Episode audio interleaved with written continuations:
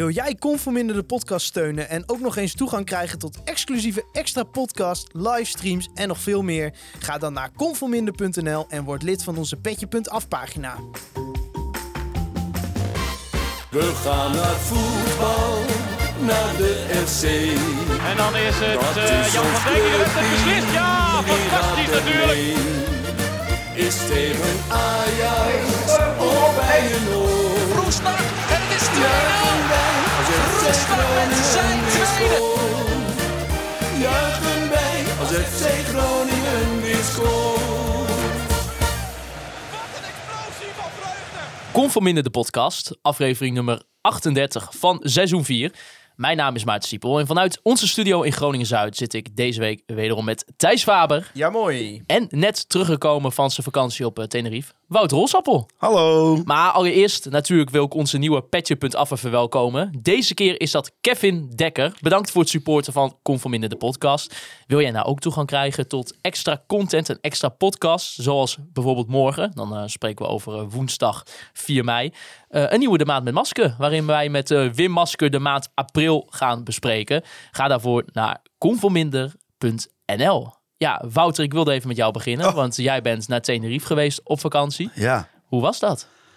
ja dat was eh, eh, heerlijk. Het, ja, het- ja, wat moet ik er echt van zeggen? Ik, kwam, ik fietste vandaag hier naartoe en ik dacht, wat is die koud? En waar is de zon? Eh, de zon die schijnt nu dan wel weer. Maar eh, ja, gewoon even een weekje eh, ja, ordinair in zo'n all-inclusive oord. Ik heb het nog, ja, dat doe ik eigenlijk nooit. Het is eigenlijk helemaal niet mijn manier van vakantie. Maar als je met familie gaat, met kleine kinderen, is het heel erg handig. Want je hoeft namelijk helemaal niks te regelen. Alles wordt voor je geregeld. Ja, Heerlijk. Lekker FC Groningen gekeken ook, vanaf bankie. mooi. Ja, ja want eh, bijvoorbeeld Darvidius die vroeg, ja, kunnen de heren hun top drie dingen eh, die ze liever hadden gedaan dan naar RKC FC Groningen kijken benoemen? Ja, ja, jij was dan naar Tenerife gegaan, op dat vind ik al een hele goede reden. goeie, ja. Maar jij hebt alsnog ook de wedstrijd dus zitten kijken. Dat is wel echt, eh poeh, Ja, ja, ja, ja. Ik, een ervaring. ja, dat was niet best. Ja, Thijs, voordat we misschien over die verschrikkelijke wedstrijd gaan hebben, heb je nog een beetje een leuke Koningsdag gehad? Waarom vraag je dat aan mij? Nou, gewoon. Ik denk, laten we ook even wat leukere dingen in het leven bespreken Nou dan eh, zondagavond 8 uur in Ja, Waalwijk. we willen zo lang mogelijk uitstellen dat we het over die wedstrijd moeten gaan hebben. Nee, ik snap het wel. Ja, ik, eh, nou, Koningsdag is niet mijn favoriete dag in het jaar als eh, republikein. Maar op een gegeven moment stond ik met een paar biertjes in mijn hand op de vismarkt met Nederlandse vlaggen op mijn gezicht Ja. gesminkt. Eh, er was iemand die, die, ik werd door twee vrienden vastgehouden en er werden bij mij twee Nederlandse vlaggen aangebracht.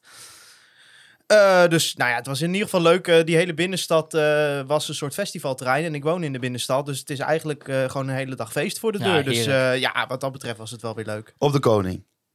Ja, het, het, gaat me dan niet per se op, op, om de koning. Maar het gaat me om eh, gewoon eh, de sfeer op straat was heel goed. Dus Nou, ik ben op Koningsdag nog eh luisteraars tegengekomen. ook. Oh. Ik was eh, op het feestje in, eh, bij de Gaanfabriek voor, eh, van, eh van Kopjek onder de pannen en zeven. Lekker de hele dag een beetje eh, lekker feest vieren daar. En eh nou, ik kwam nog twee luisteraars tegen. Er is eentje eh, eentje weet, heb ik de naam niet van gevraagd, dus dat is een beetje vervelend. Maar eh, hij luistert elke week, dus een shout-out naar hem. Misschien kan hij nog even via een DM of zo zijn naam eh, sturen. En, eh, en Sam kwam ik ook tegen, die stelt regelmatig wel een vraag voor onze podcast. Dus dat, is, eh, dat wel even leuk. Gewoon om... eh, altijd, ja, het is toch altijd wel een beetje apart, toch? Als je, als je mensen tegenkomt of zo, eh, die, die dan luisteren naar de podcast of zo. Maar ik vind het wel altijd mooi. Ik ben op eh, Tenerife geen eh luisteraars Nee? tegengekomen. Nee. Nee? Ik heb wel, eh, zeg maar, je zit daar met allemaal Nederlanders. Dus ik heb expres elke, elke keer als ik ging eten mijn FC Groningen een shirtje aangedaan. Die, eh, dat uitshirt van dit seizoen. Ja. Toch even kijken of mensen er naar kijken. Maar, elke dag hetzelfde shirt aan. ja, maar- ja, waarom niet? Het is vakantie. Oké. Nou, het gaat zelfs voor Thijs Waber gaat het veel te ver, eh, blijkbaar.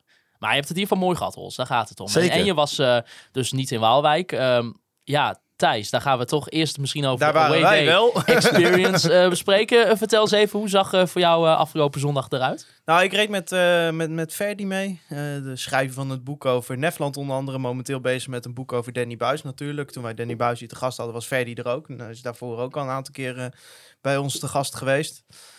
Ja, Waalwijk is ver. Heel dat, ver. Is, dat is best een end. Maar op zich, zondagavond 8 uur kwam in dat aspect best wel goed uit. Want dan vertrek je pas om 4 uur 's middags. Dus dan heb je eigenlijk nog een hele dag over. En dan ga je dan nog even naar zo'n wedstrijd toe. Eh, ik kon gewoon op mijn gemakkie eh, eerst Heerenveen Cambuur kijken. Eh, ik heb daarna nog een heel stuk van die half drie wedstrijden zitten kijken.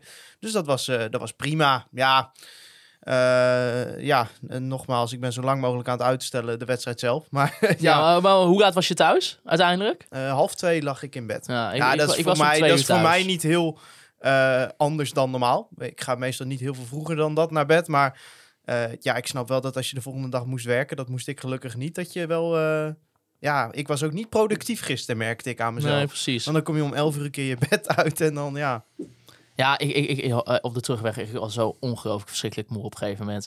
En eh, nou, ik reed dan eh, gelukkig met, eh, met Danny mee. Niet Danny Buis, maar een, eh, een andere Danny naast. En ook shout-out naar hem voor het rijden. Want als je nog s'avonds na zo'n e- enorme kutwedstrijd helemaal terug naar Groningen moet karren, ja, respect. Ja, en, en dat RKC, dat dacht ook nog even na die wedstrijd. Kom, we houden iedereen nog even Ja. een half uur vast. ja, We, we Waarom? mochten, we mochten niet weg. Maar ja, en ze hadden de bussen voor het hek gezet. Dus dan moesten eerst al die bussen helemaal vol. Want ja, nou ja, eh, iedereen moet wel gewoon mee weer terug, zeg maar. En dan pas kon de hele stoet op gang komen. Dus ja, voordat we daar ook een keer weg waren, het was... eh, ja, maar nou dit ja. was wel een keer nog die gedroomde uitwedstrijd naar Waalwijk, waar we nog niet waren geweest. Wat Ja. vond je uiteindelijk van, het, eh, ja, van de fietsenstalling? De, het prachtige mannenmakerstadion.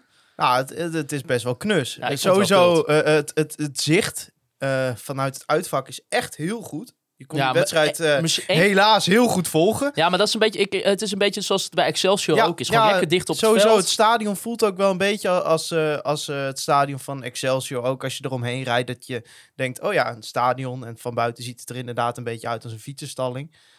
Eh, maar ik vind het wel een knus stadion, ja. Geen spijt van. Heen bent gegaan. Nee, natuurlijk niet. Dat moet je ook nooit hebben. Ah, vind zo ik. mooi, je, je weet ook, eh, ondanks de uitslag, je weet vooraf, dit kan altijd gebeuren. Ja. Ho- hoewel 3-0 achter bij rust wel heel extreem, maar...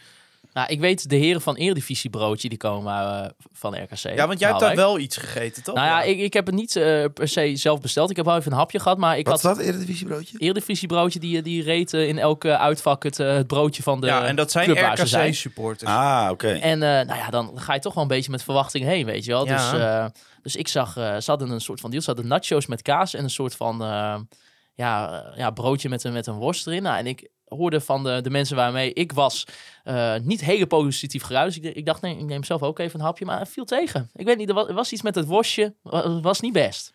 En ik, ja, de nachos met kaas heb ik niet ge- geprobeerd. Ik denk, ja, ik denk, ik zit ook niet Ik ergens... zou geen worst kan maken. Laat staan nachos met kaas. Ja, ik weet niet. Ik dacht, ik zit niet ergens in de bioscoop of eh, bij de uurwekker op het terras of zo. weet je, ik, ik denk, Volgende keer krijg je popcorn. Ja, precies, wie weet. Dus eh, dat, eh, daar kan ik niks over zeggen. Daar- ook niemand in mijn omgeving had dat geproefd. Dus eh, daar durf ik in Maar jij bent, als ik, het goed als ik het goed beschouw, ben jij echt tegen nachos op een voetbaltribune. Ja, ik vind dat gewoon niet zo'n zo'n v- voetbaltribune snack of zo. ik weet niet. Ik Ja. vind het wel creatief, weet je. Dat wel, nee, maar daarom- Maar ik zie allemaal- broodje worst heb Maar ik ik nou ook overal wel gezien. Ja, maar ik zie het het hele werkt wel. weekend biertjes vliegen, maar voor je weet gaan de nachos richting de keeper van de tegenstander.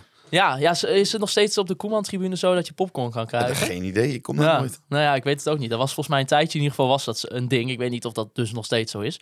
Maar inderdaad voor de creativiteit zeker die punten. Maar ja, ik weet niet. Als je dan toch bij Eredivisie broodje komt, als het ware, als je het zo mag noemen, ja, dan hoop ik, hoop ik toch wel dat het eh, broodje worst heel lekker was. Maar dat, eh, ik hoorde eigenlijk alleen maar negatief geluiden. Dus dat is, eh, dat is jammer. Maar voor de rest, ja, het was wel, ik vond het zo ongelooflijk kult. wat een geweldig stadion. Deze club hoort in de Eredivisie. Nou ja, Maarten die kan dan ook de superlatieven niet loslaten. Nee. Het is Nee. bizar. Het is Maar dus gewoon- eigenlijk ben je ook blij dat je verloren hebt. Een gemiddeld stadion, Ah, ja. het heeft wel wat. En Maarten doet alsof hij, alsof hij op Wembley is. Ja. Maar Maar Sico, 90.000 eigenlijk man. was deze wedstrijd dan toch ideaal om te winnen. Want dan ben je, je bent er nu eindelijk geweest. Kunnen Ja. ze nu weer weg.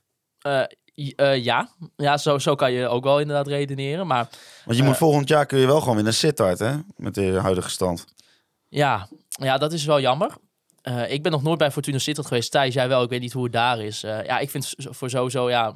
Fortuna Sittard hoort voor mij niet echt in de Eredivisie thuis. Ik vind dat een beetje een... eh, Fortuna Sittard, dat stadion, dat is... eh, Malaise in de mist, was dat hem? Dat was de Marais in de mist. dat stadion van Fortuna Sittard, nou ja, laat ik mij eh, alvast... Ik wil, ik wil mij deze aflevering namelijk qua emoties een beetje inhouden. Ja? Dus ik ga nu ook... Je kunt ook alleen positieve genu- dingen, hè? genuanceerd zijn. Oh, eh, iets positiefs over het stadion van Fortuna Sittard. Nee, maar emo- er ligt een grasveld. Ik weet dat jij Thijs Faber bent, maar eh, emoties kunnen ook positief zijn. Kunnen ook positieve emoties zijn. Nee, het stadion van Fortuna Sittard staat niet bij mijn top drie favoriete stadions van Nederland. Ja, en je- En de lijst naartoe. Nou, dat is wel leuk. Ja, ik vind altijd hoe langer de reis, hoe beter. Dus dat, eh, Ja, en en je zat ook de auto's bij RKC te parkeren gewoon eh, tussen de bomen. Dus jij was bent een voor beetje de de bijzondere Beneliga? parkeerplaats. Ik ben niet voor de Beneliga. God, dit loopt helemaal weer uit Vond je dat ook niet een beetje een bijzondere parkeerplaats zo? Met, de- dat, dat iedereen maar de auto's tussen de bomen moet Ja, parkeren. het is ook, en, ze eh, doen allemaal hè, combi's dit, combi's dat. Terwijl je rijdt daar gewoon tussen de RKC-supporters door een wijk Ja. naar het stadion. Dan gaan de RKC-supporters links. Wij gaan naar rechts. En dan rij je een parkeerplaats op. Ja, het, ja, het, is, eh, het is allemaal weer typisch dat ze dan met hekken eromheen... Ja, en en de zo, lokale nou ja. middenstand heeft er dan ook niks aan aan zo'n wedstrijd. Ik bedoel, anders komen jullie nog even een paar liter bier wegharken. Ja, precies. Maar eh, dan is die wedstrijd ook nog eens om 8 uur s avonds op zondag. Eh, natuurlijk kregen we daarvan ook de vragen, onder andere van, van Thomas. Die zegt, ja, wat, wat, wat vinden jullie nou van het 8 uur beleid? Zijn jullie de voorstanders eh, van? Ja, als je naar RKC moet... Het interesseert, twee uur het thuis. interesseert mij Oh. persoonlijk niet zoveel wanneer Groningen speelt. Want eh, ik kan altijd wel. Maar het is voor zeg maar, mensen die qua tijd minder flexibel zijn dan ik als student. Is het gewoon echt kut. Ik bedoel, als jij maandag moet werken. En je, en je, nou ja, ik was dan om half twee thuis. Ja, als je dan de volgende dag de wekker weer eh, om zes uur hebt staan. Ja, dat kan toch niet. Nee. Nee, maar kijk, wie doe je hier een lol mee? Het was dan nu vakantie, hè? Waardoor er eh, misschien ook wat meer kinderen in het stadion zaten. Hè? Avondje uit. Maar op, als dit gewoon een normale zondag was geweest, buiten vakanties, om acht uur, eh, wie weet ook nog in de winter dat het hartstikke koud is. Ja, dit gaat echt helemaal nergens over. nee, maar dit heeft ook te maken met een stukje solidariteit. Kijk, wij drie zijn alle drie makkelijk, vrij eenvoudig in de mogelijkheid om naar welke wedstrijd dan ook af te reizen. Maar dat geldt niet voor iedereen. Eh, als je gewoon een beetje aan elkaar denkt, aan mensen met gezinnen, aan weet ik veel, Ja. mensen die vroeg moeten werken op maandag. Ja, dan is dit gewoon helemaal niks. Nee, maar ook, kijk, voor uitpubliek is het kloot, omdat je daarna nog drie uur terug moet rijden. Maar ook voor thuispubliek is het normaal gesproken, weet je. eh, als kinderen gewoon op maandag weer naar school moeten, ja, dan ga je niet om acht uur nog... eh, tenminste, mijn ouders hadden dat niet goed gevonden als ik dan om acht Nee, en op uur... een zaterdag maak je nog eens een uitzondering. zondag 8 uur nog naar een voetbalwedstrijd zou za- gaan. Plus leg maar eens aan mensen uit die niks met voetbal hebben... dat jij op zondagavond 8 uur in Waalwijk bent. Oh, dat En heb ik weer veel om- moeten doen En dat je week. vervolgens om twee uur s'nachts echt, eh, echt helemaal kapot thuis komt. Ja, en dat je na 40 minuten met 3-0 achter staat tegen de nummer 14. Ja, ik kreeg ook allemaal appjes altijd. Die dacht van, nou, gaat wel goed in Waalwijk, maat. Ja, zeg, eh, dat zijn altijd de fijnste appjes. Ja. De mensen waar je al weken niks van hebt gehoord. Ja, Ja. ja, nee, precies. Nou ja, daarom. Maar eh, d- dat is wel trouwens even een mooi bruggetje. eh, hè, het acht uur bereid. Eh, dan kunnen we even naar de Online Retail Company gaan. Het Online Retail Company moment van de week.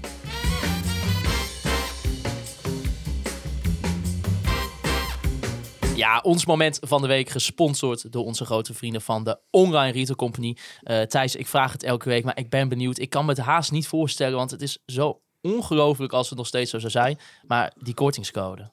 ja, ik hoef daar niet over na te denken. Tuurlijk geldt die kortingscode nog. En hoeveel procent hebben we het over? 15 procent. 15 Want de Online Retail Company bestaat dit jaar 15 jaar. Wauw. Zij hebben 15 gespecialiseerde webshops met allerlei producten. Barbecue seizoen komt er weer aan. Dat kun je er kopen. Zwembaden, noem maar op. En met de code KVM bij het afrekenen 15% korting op het hele assortiment. Maakt niet uit wat je bestelt in die 15 eh, verschillende webshops. Hoppakee, 15% eraf. En wat nou als ik bijvoorbeeld een, eh, een barbecue set zie staan waar Nou, al korting op zit? Ja, gaat die korting er gewoon bovenop hoor. Ja, maak je daar geen zorgen over. Maar ik dacht dus eerst dat eh, supporters, uitsupporters naar lastvan.com waren gegaan om een soort van bodemverbeteraars of compost op het veld te strooien. Maar wat, wa- wat, wat waren dat nou precies? Ja, dit, dit was wel mooi. Ja, er was verder niet heel veel te genieten bij FC Groningen afgelopen week. Dus dan moet je een beetje creatief zijn met je moment van de week. Maar het begon natuurlijk al met, eh, met het doek. Hè. Stop eh, zondagavond eh 8 uur. eh, waar, eh, waar de club trouwens ook al eerder in het seizoen eh, Ja, aandacht en voor het is vroeg. Heel top. je moet dat statement blijven maken. Daarom. En ja, op een gegeven moment worden er, eh, wordt er afgeteld door een aantal mensen. En dan komen er opeens allemaal stuiterballetjes het veld op. Ja. Nou, weet je, dat is al Wat ik, kut. me, wat ik me als eerste afvroeg, want ik ben laatst eh, mee geweest voor het eerst echt naar zo'n eh, uit, uitduel eh, met een uitvak eh, met zo'n combi naar Heerenveen. Ik van, hoe, hoe zullen ze dat meegenomen hebben? Ik wil eigenlijk niet weten waar die balletjes allemaal gezeten hebben. Ja, daar durf ik geen uitspraak over te doen. Dat zou, je de, dat zou je aan de mensen moeten vragen. Misschien kan iemand eh, die erbij betrokken was het eh, uitleggen. Eh, ja, je, je kan je dingen wel inbeelden natuurlijk waar dat wordt weggestopt. Volgens eh, de commentator van dienst van ESPN waren het knikkers. Het waren geen knikkers, het waren stuiterballen. Matthijs, jij had ook nog even een, een, filmpje gemaakt van, van eh, het moment wat eigenlijk daarna volgde. Want- Ja, want eh, nou ja, het idee van de actie was dus, en dat stond ook op de doeken van, eh, begin nog maar wat later, we hebben toch al vrij gevraagd. Dus de bedoeling was dat het spel kort stil moest liggen om die balletjes weg te rapen. En dat er dan, nou ja, dan heb je ook even de aandacht en dan heb je dat doek. Dus ja, ik vond dat sowieso topactie. Ik vind dat, op deze manier er ludiek mee omgaan. En toch weer even laten, laten zien wat je ervan vindt. Ik eh, merkte bijvoorbeeld ook, volgens mij waren ze het bij RKC ook wel met ons eens. Dus het, het, er werd ook niet gefloten of zo eh, door het publiek eh, van RKC. Ehm, maar het, ja, het duurde even voordat Gussebujuk door had, de scheidsrechter, dat het eh, aan de hand was. Want Groningen was aan het aanvallen op dat moment. Ja, je kan het je niet voorstellen, maar Groningen was toen, eh, die kreeg een corner. En eigenlijk pas na twee, drie minuten had de scheidsrechter zoiets... we moeten misschien toch die balletjes even van het veld gaan halen. Dus wat dat betreft viel de actie een beetje ja, tussen haakjes in het water. Omdat ja, het duurde gewoon even voordat ze die wedstrijd moesten stilleggen. Eh, ja, en ja, wat voor mij een prachtig beeld was, was al die, al die voetballers die die stuiterballetjes allemaal van het veld stonden te Allemaal, rapen en hè? terug te gooien. Ja. Ja. Dus dat- ik denk, ja, dat moet ik even vastleggen. Ja, en dat is ook het beste wat FC Groningen spelers met een bal hebben gedaan eh zondagavond. de commentator, commentator van dienst, die, eh, eh, of hij zag het niet, of hij mocht er van zijn baas niet over praten, want die gaf geen. eh, ja, ik heb het niet op tv gezien, dus ik nee, weet het die, niet. maar die, die, die, die, die ziet gewoon heel goed dat doek. Hè. Da- Daar zei hij in principe al niks over. Toen maakte hij terloops wel een opmerking van... Ja, het, het stadion zit lekker vol op zondagavond. Ja, wat denk Ah, je ja. zelf? Meivakantie is het. Dan, dan, dan hebben mensen toch wat vaker op maandag vrij dan eh, normaal gesproken. Maar goed. Maar goed, eh, eh, don't bite the hand that feeds you, zou ik dan maar zeggen. Ik bedoel, hij eh, wordt natuurlijk betaald door Ja, eh, ik snap ESPN. wel dat hij niet eh, zeg maar, daar gaat zeggen... nou, hier ben ik het toch zo mee eens... terwijl hij zelf commentaar zit te geven bij een acht uur wedstrijd. Maar ik denk, ja, weet je... ESPN eh, het brengt altijd supporters in beeld om wedstrijden te promoten. Dan moet je toch ook beseffen dat het beleid wat zij voeren... eh, in die zin ook eh, supporters bijt. Omdat Ja. er gewoon eh, moeilijker is om naar zo'n stadion te komen. Aan de andere kant, kijk... we kunnen altijd naar ESPN kijken... maar het zijn uiteindelijk de clubs die er akkoord mee gaan. Ja, en bedoel, dat je- ESPN bedenkt het alleen maar en de clubs gaat dan een meerderheid van akkoord. En als je echt actie voert, de meest harde actie die je kan voeren, is ook meteen de actie die je niet wil voeren. Dat is gewoon niet komen. Ja, maar dat vind ik ook altijd, ja... Dat, dat, ja, maar dat, dan, dat, dat, dat kan gewoon niet. Aan de ene kant zou ik eh, denken van, nou, doe maar. Maar aan de andere kant, ja, dan ga je niet. Ja, en dan zegt ESPN, nou, ze komen niet. Want zondagavond 8 uur, ja, dan is er niemand daar in de headquarters van ESPN die zegt, nou, jongens, we stoppen er meteen mee. Ja, dus dat is altijd het ingewikkelde met, met eh, boycotts. En daarom vind ik zo'n actie vind ik wel mooi, omdat het gewoon ludiek is. Nou ja, dan... eh, Toch bijna 20 minuten eh, volgehouden. Ja, we moeten Ja. het echt over die wedstrijd gaan hebben, ja, zeker. we gaan maar eh, naar de wedstrijd toe. Ja, we Eh, kunnen ook gewoon die- over boycott gesproken, kunnen gewoon die wedstrijd overslaan. Dat we gewoon nu ja, dat hebben we naar nog de tegen elkaar Ja, gezegd. Hè? Ik zei in de rust tegen jou, we slaan gewoon die hele wedstrijd bespreken. En we gaan nu gewoon contractverlenging Michael de Leeuw. Huppa. ja. ja, nee. Ja, als, je, kijk, als je wint, dan, eh, dan zitten we hier ook, eh, dan dansen we op tafel en dan zitten we uitgebreid te vertellen. Dus dan moet je dat ook doen bij zo'n Kan me niet meer ja, herinneren. enorm gênante eerste Winnen, helft. wat is dat? winnen. In ieder geval, eh, eh, vooraf FC Groningen, Casemiro keerde terug in de basis. Eh, daarnaast begon Marin Swerko voor de geblesseerde Mike de Wierik. Paulus Abraham en ook wederom Dario Irandust eh stonden weer in de basiself van trainer Danny Buis. De media zeiden het eh, een beetje een mooi woord ervoor. Een foutenfestival werd het genoemd. Ja, Thijs, die, eh, die eerste helft. Je denkt nog misschien de eerste paar minuten, kwartiertje. Ah, gaat best wel prima, weet je, oké. Nou, en wat er daarna gebeurt, ik denk dat als ik het een beetje, in ieder geval voor mezelf mag samenvatten, ik heb misschien in mijn FC Groningen supporterschap nog nooit zoiets gezien. In ieder geval niet bij een uitwedstrijd. Thijs, hoe, hoe heb jij het beleefd? Ja, ik vond Groningen best wel goed beginnen. Dat, dat, dat, dat, was- dat- dat was de ellende. Wij keken elkaar aan van, oh, Ja. ja. ja, Meijer eh, werd een paar keer gevonden op de linkerflank. Ik denk, nou ja, hier valt wel wat te halen. Ja, dan krijg je natuurlijk eh, ja, zo'n domme terugspeelbal van Dankelui. Minuut 16. Nou ja. weet je, dat kan een keer gebeuren. Bij Dankelui iets vaker dan een keer. Dankelui is de laatste tijd inderdaad niet zo goed in vorm.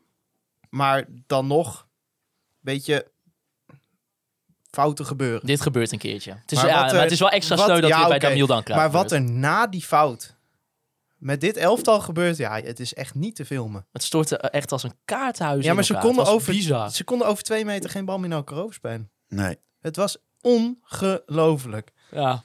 Ja, ik had, ja, maar er, ik had er je, geen je- woorden je voor. denkt echt, waar zit je naar te kijken? Het was rust. Ik stond echt een beetje cynisch te lachen. Ik denk, jezus. Ja. Ik ben hiervoor in de auto gestapt. Nou, pakken bij drie uur onderweg geweest. En ik denk, ik ga straks naar huis. Misschien ga ik wel straks met 5-0 naar huis. En dan ben ik om twee uur s'nachts thuis. En dan vragen mensen, oh, hoe was het eh, voetbal afgelopen weekend? Ja, ben helemaal naar Waalwijk gegaan. 5-0 verloren van RKC. Toen een beetje mee om Ah. degradatie. Die, was bizar. na die 1-0, elke diepe bal was, was, was ellende. Het was ook alleen maar diepe ballen. Elke, ja, maar dat zou ik ook doen met Bart van Hintem achterin. Ja, maar het was een beetje, het, het, wat je al zei, de eerste, het eerste kwartier. Het is niet zo dat Groningen RKC wegspeelde. Nee. Maar het zag er best oké uit. Ja, en na, En die, na dat- die 1-0 word je gewoon weggespeeld door RKC Waalwijk. En zo hard moeten we het ook zeggen. Je wordt gewoon na die 1-0, 16e minuut, een half uur lang weggespeeld door RKC Nou, Waalwijk. ik, laat ik zo zeggen. eh, eh, ze deden niet meer wat ze voor die, eh, voor, die goal deden. Ze gingen spelen alsof ze snel een doelpunt moesten maken... omdat de wedstrijd bijna afgelopen zou zijn. Want al het voetbal was er ineens uit. Ze durfden niet meer iemand, geen mensen meer in te spelen. Het was alleen maar lange ballen. Eh, dus ze lieten zich vooral wegspelen. Ja, en het zijn ook de individuele fouten. Hè. Kijk, oké. nee, de, doelpunten zijn individuele De fouten. 1-0, maar die, maar die 2-0. Ja, ik vind dat nog eigenlijk nog erger dan die 1-0. Want die 1-0 is gewoon een domme terugspeelbal. Als die bal iets harder was, dan had Leeuwenburg hem gewoon weg kunnen schieten. Eh, Deze dingen gebeuren. Maar ja, zo'n lange bal. En ja, dan zie je hoe Van Hintem. Daar kon geen Donald Duck onder hoor. Onder, onder hoe die sprong. en verkeerd was- ingeschat. Nou, dan komt die ongelooflijk matige keeper van dat doel af. Die zou ook niet eens wel een bal tegenhouden. Kijk, die 1-0 is geen fout van Leeuwenburg, hè? Maar hij zou hem ook niet eens wel tegenhouden. Dat is mijn probleem met 1-0? Leeuwenburg. Ja. Oh ja, nee, maar ja. Ja, maar nee. ik vind als je als, nee, als het is geen zo- fout. nee, het is geen fout. niet Maar hij zal, hem De 1-0 ook, was geen hij, fout. hij zal hem ook niet wel een keer wel pakken, zeg maar. Een keeper die je een keer in de wedstrijd Ah, ja. houdt. Want dat is het niet, want het is je zwakste schakel. Het enige wat ik niet weet, is omdat ik niet eh, aan de lijn stond, is... eh, eh, iemand moet toch iets tegen Dankelui gezegd hebben. Die gaat niet uit zichzelf zo'n bal geven. Nou, het idee van terugspelen was niet zo gek, maar het was gewoon een hele slechte terugspeelbal. Ja, maar als je ook nog eens... Ja, precies. Want eh, eh, wat volgens mij Leeuwenburg goed deed... die, die eh, ging, liep rechts uit, zeg maar. Zodat de bal niet richting de goal teruggespeeld hoefde te worden... maar een stukje naast de goal. Zodat hij precies voor de goede been van Leeuwenburg terecht zou komen. En moest eerst nog weer van richting veranderen... terug naar zijn post. En toen pas kon hij richting de bal komen. Dus iets communicatiefs daar is ook niet helemaal goed gegaan. Nee, klopt. dus maar het is niet alleen maar een slechte paas. Weet je, Dus- als jij die rechterkant keek, dan had je daar Van Hintem, Dankelui en daarachter Leeuwenburg. Ja, dat zijn drie spelers die en niet goed in vorm zijn. En ook gewoon eigenlijk kwaliteiten tekort komen om, om mee te kunnen met spelers als Duarte, Casemiro, Strand Larsen. Ja, ik vond de tweede goal inderdaad wel echt erger. Ja, die was wel Weet heel je, Die erg, lange ja. bal van Tuba. Eh, en het ziet zo ongelooflijk inderdaad knorrig uit dat die bal zo over van Hintem heen gaat. En ja, Kramer die wipt hem gewoon helemaal Ja, maar dit prachtig derde op. goal gaat de bal ook weer over Van Hintem Ja, en heen, dat hè? is wel een moment, dat vind ik wel een moment dat ik me wel toch afvraag van, ja, dat, daar denk ik dan wel van, ja, dat is wel zo'n moment dat, dat eh, Peter Leeuwenburg hem niet. Hij moet of uitkomen en die bal onderscheppen, Nee.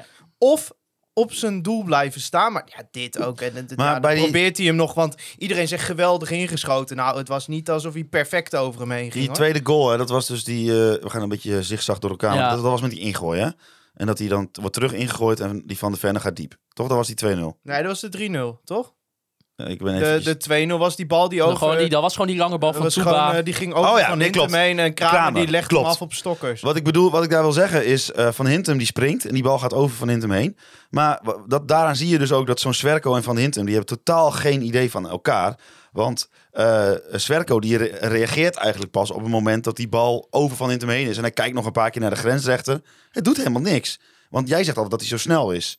Wie, van Hintem? Nee, eh Swerko. Oh, Sverko. Nou, Nou, die zo, komt- zo snel. Het, het, het is dat geen, hij ook nog eh, wel wat snelheid Hij heeft. loopt de 100 meter niet in 9 seconden, maar ik hij, heb is, niet hij het is idee wel dat hij daar nou snel. alles gedaan heeft wat hij kon doen.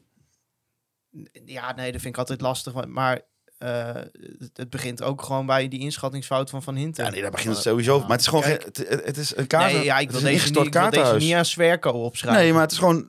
Alles valt... Het is trouwens wel de 3-0. Ik ga helemaal in de war. Maar Ja, wat ben jij allemaal aan doen, joh? Heb je wel gekeken? Ja, ja. Oh, ja, ja, had je al, eh, al vier San Miguel in de mik eh, binnen 20 minuten of zo? ik dat denk je, de- dat, dat je niets wel- gezien Volgens hebt. mij had ik eh, de, het glas witte wijn helemaal afgevuld en aan de rand meegenomen naar het huisje. Ik wou dat ik meer had gedronken in het uitpakken. Misschien Nee, dit was wel de 3-0, sorry. Maar da- dat, eh, daar zie je ook... Daar wat ik, maar dat maakt niet uit. Wat ik vooral aan wil geven... Nou, maakt is, wel uit, maar goed. nee, maar wat ik vooral aan wil geven is dat die eh, verdediging ook gewoon totaal niet weet van elkaar wat ze doen, aan het doen Nee, zijn. maar hoe wil jij in de ruimte, met ruimte in de rug verdedigen met, met Bart van Hintem? Nou ja, in ieder geval door als er iemand naast staat die wel snelheid heeft, dat hij daarop anticipeert. Ja, maar ja, dat zou dan misschien Casemiro of Zwerko dan geweest moeten zijn. Maar je kunt toch niet een hele wedstrijd spelen met anticiperen op dat Van Hintem elke lange bal over zich heen laat gaan. Nou ja, weet ik niet. Ik denk dat dat wel onderdeel is van eh, een team zijn. Dat je anticipeert op Nou, wat je, wat je tweede teamgenoot goed en helft kan. staan Zwerko en Casemiro centraal. Is die bal er nog één keer zo overheen gevallen als het in de eerste helft ongeveer zeven keer gebeurde? Nee.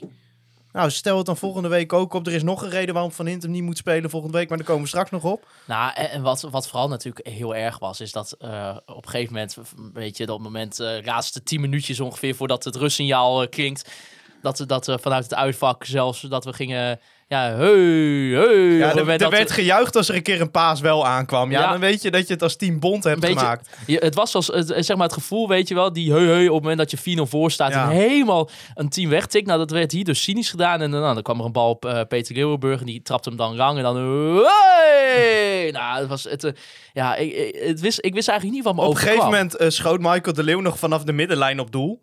Die, die, daar kwam een stuiterbal, die dacht 3-0 achter. Die schieten we op doel. Nou, daar werd ook voor gejuicht alsof, er, eh, alsof hij erin ging. Ja, Maar dat mag toch, joh. Ja, nee, ja, geweldig, nee, ja maar de- het is meer het tekenend voor hoe het Ja. elftal erbij liep. Het was echt pathetisch. Maar wat was, wat was jouw dan jouw overkoepelende gevoel in, de- in de rust? Dat je daar stond, je staat dan in zo'n uitvak in Nou, Waalwijk 3-0 achter. Ik hikte op twee gedachten. Aan de ene kant dacht ik, oké, als je vlak naar rust de 3-1 maakt, wie weet. Aan de andere kant dacht ik, ja, als we toch al gaan verliezen, dan heb ik lief dat we nu met 7-0 eraf gaan. Want dan, ja, want dan, dan komt het een keer aan, weet je wel. Want ja, ik, ik voelde me al een beetje aankomen, vlak naar rust 3-1. En dan in de 88 minuten 3-2 heb je net te weinig tijd voor de 3-3. En dan Ja. zeg je na de wedstrijd, ja, maar wel herpakt na de rust. Terwijl ik- denk, deze prestatie van die eerste helft, dat verdient maar één ding. Dat is gewoon eh, zijn hand geven in de rust, in de bus stappen en de 3-0 incasseren. Ik dacht eh, in de rust, als ik trainer was, zou ik er drie uithalen. En die zou ik ook direct in de bus zetten. Gewoon niet de kleedkamer in. Nou ja, er, werd- er, werd, er werd ook gewisseld. Eh Mo El Nkouri, Daniel van Kaam en Cyril en Gonga kwamen in het veld voor Damiel Dankerui, Bart van Hintem en eh, Michael de Leeuw.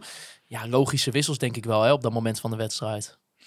Ja, dat waren denk ik wel de drie spelers eh, die het minst aan het spelen waren. Hiervan natuurlijk door de individuele fouten van, eh van Dankerui, van Hintem, eh reken die sowieso wel logisch. De goal valt dan in de 58e minuut. Uh, Jurgen Standgaard. Eigenlijk een hele goede aanval toen Ja. ik hem terugkeek. Ik had, op het moment dat ik in de uitvak eh, stond, had ik niet echt helemaal door hoe mooi die aanval was.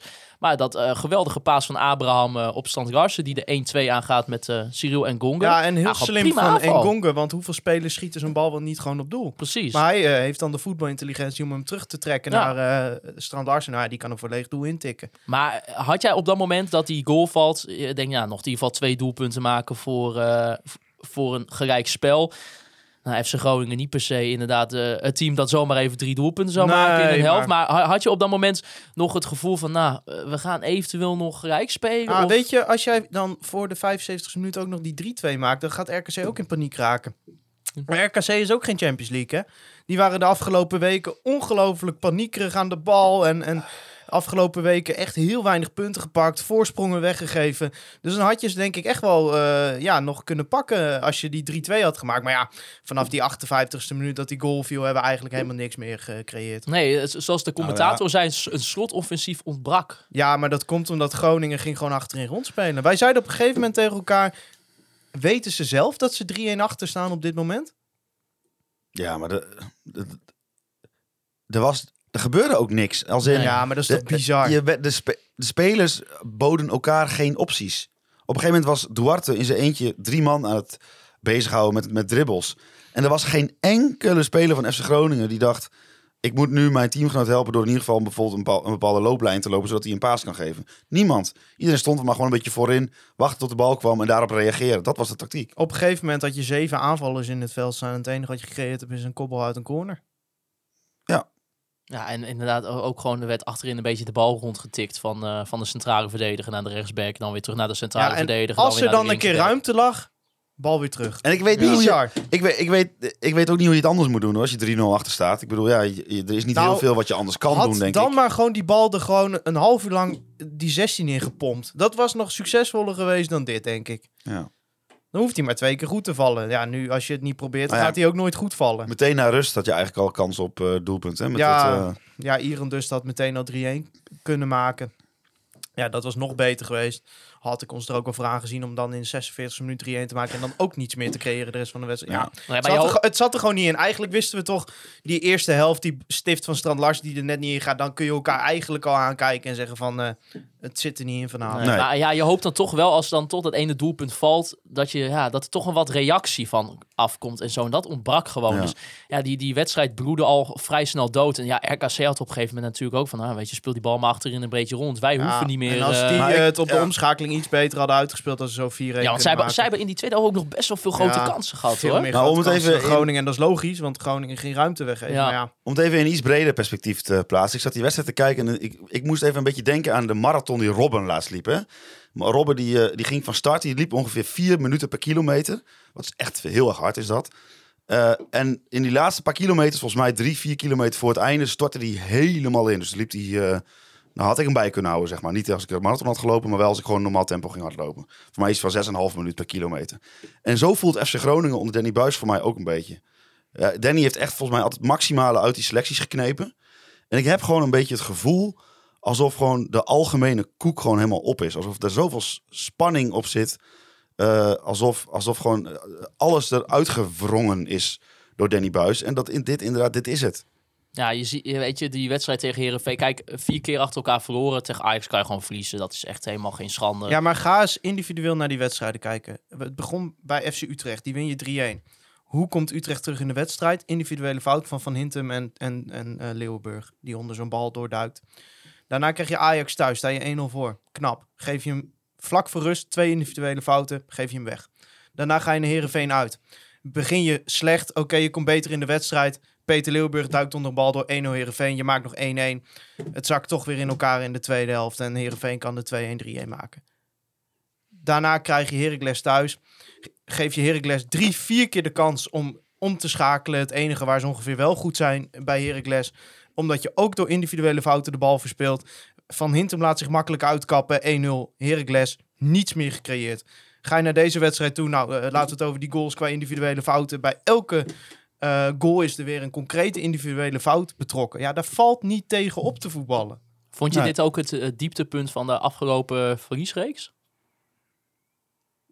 Ja, nou, ik, ik vond Heracles thuis ook wel heel triest dat je gewoon in de 70ste minuut Ik voor het eerst op Heerenveen doel ook wel schiet. erg hoor, die, die eerste helft. Maar Heerenveen ja, speelde wel ook heel slecht, maar ja, dit ja. Maar Weet je, op zich waren we dat eerste kwartier tegen RKC echt niet slecht. Maar ja, als je zoveel individuele fouten maakt, ja, dan kun je eh, er tegen voetballen wat je wil. Maar dan, ja, het Buis het zelf ook, dan heb je elke wedstrijd twee, drie goals nodig om te compenseren voor de individuele fouten. ja. Het- ja, maar gevoelsmatig. Ik heb toch echt het gevoel alsof gewoon de meeste mensen gewoon snakken naar het volgend, volgend seizoen. Naar een nieuw maar hoofdstuk. in, in deze fase zaten we vorig jaar ook. En toen kwam ineens die wedstrijd Emma Ja, uit. En misschien- die won je met 4-0, Ik- ik haalde je bedoel- de play-offs. Eh, en, maar daarna, na die Emma uit, ging het ook weer fout. Want toen verloren we nog uit bij PEC. Nee, maar, zoals, eh, eh, ik- ik denk ook wel dat, dat, dat, dat de situatie zich voor kan doen dat er, ik bedoel, eh, dat er nu een soort crisissituatie is. Vier keer achter elkaar verliezen terwijl je achter staat is niet echt best. En dat je toch nog één keer een allerlaatste eh wring kan doen aan die handdoek en die allerlaatste druppels er nog uit kan wringen. hoop je. Ja, maar het Dat, probleem dat kan is... echt wel. Wat, ja, maar wat voor wedstrijd staat je te wachten? Weer een wedstrijd van een tegenstander die gaat inzakken, die ons het initiatief gaat Nou ja, je, kunt, je, zou kunnen zeggen tegen, Eigenlijk- je zou kunnen zeggen tegen Sparta. Ik weet dat het niet populair is misschien, maar ja, die moeten echt, hè? anders is het gewoon klaar. Ja, Dus daar zou je nog van kunnen zeggen: oké, laten we die dan iets reactiever gaan spelen, want dat bevalt ons misschien wat beter. ja, nou ja, eigenlijk, eigenlijk als er nog een wedstrijd is waar je de, dat omkeerpunt wel kan. Want je hebt dan een betere tegenstander nodig. Ja, Twente. Dat is volgende week woensdag Ja. Twente, Twente uit. Dat zou een wedstrijd zijn. Daar kun je misschien... En dan kun je tegen Cambuur thuis afmaken. Eh, maar ja, ik, ik, ik zie het momenteel. En ik probeer altijd een beetje niet in de dagkoersen te denken. Maar ik zie het momenteel niet goed komen. Nou ja, even als we kijken naar de huidige. FC Groningen nog steeds achtste. Het is ongelooflijk. Ja, bizar. Als je vier keer achter elkaar verliest. Nee, maar als die andere ploegen niet de play-offs in willen, mogen ze ook alvast Ja. gewoon zeggen dat wij gaan. Hoor. Want kijk, je kunt dan- je dan afvragen, hebben we daar iets te zoeken? Maar het zijn wel de ploegen waar we het meestal wel goed tegen doen. Hè? De Utrecht, de Vitesse. Dus, Ja, ja, en dan volgt... eh, nou dus ja, als die ploegen dat niet willen, wij willen wel hoor. Ja, nou ja, Go Ahead Eagles volgt eh, met een gelijk aantal punten. Maar we hebben nog eh, iets beter Ja, doelsaldo dat, met één dat doelpunt. goaltje van Strand Lars heeft ons op de achterste plaats gehouden. Ja. En ja, Heerenveen volgt op één punt. NEC volgt op één punt. En vervolgens Heracles en Cambuur volgen op twee ja, punten. en Heracles heeft een ontzettend bizar. makkelijk programma op papier.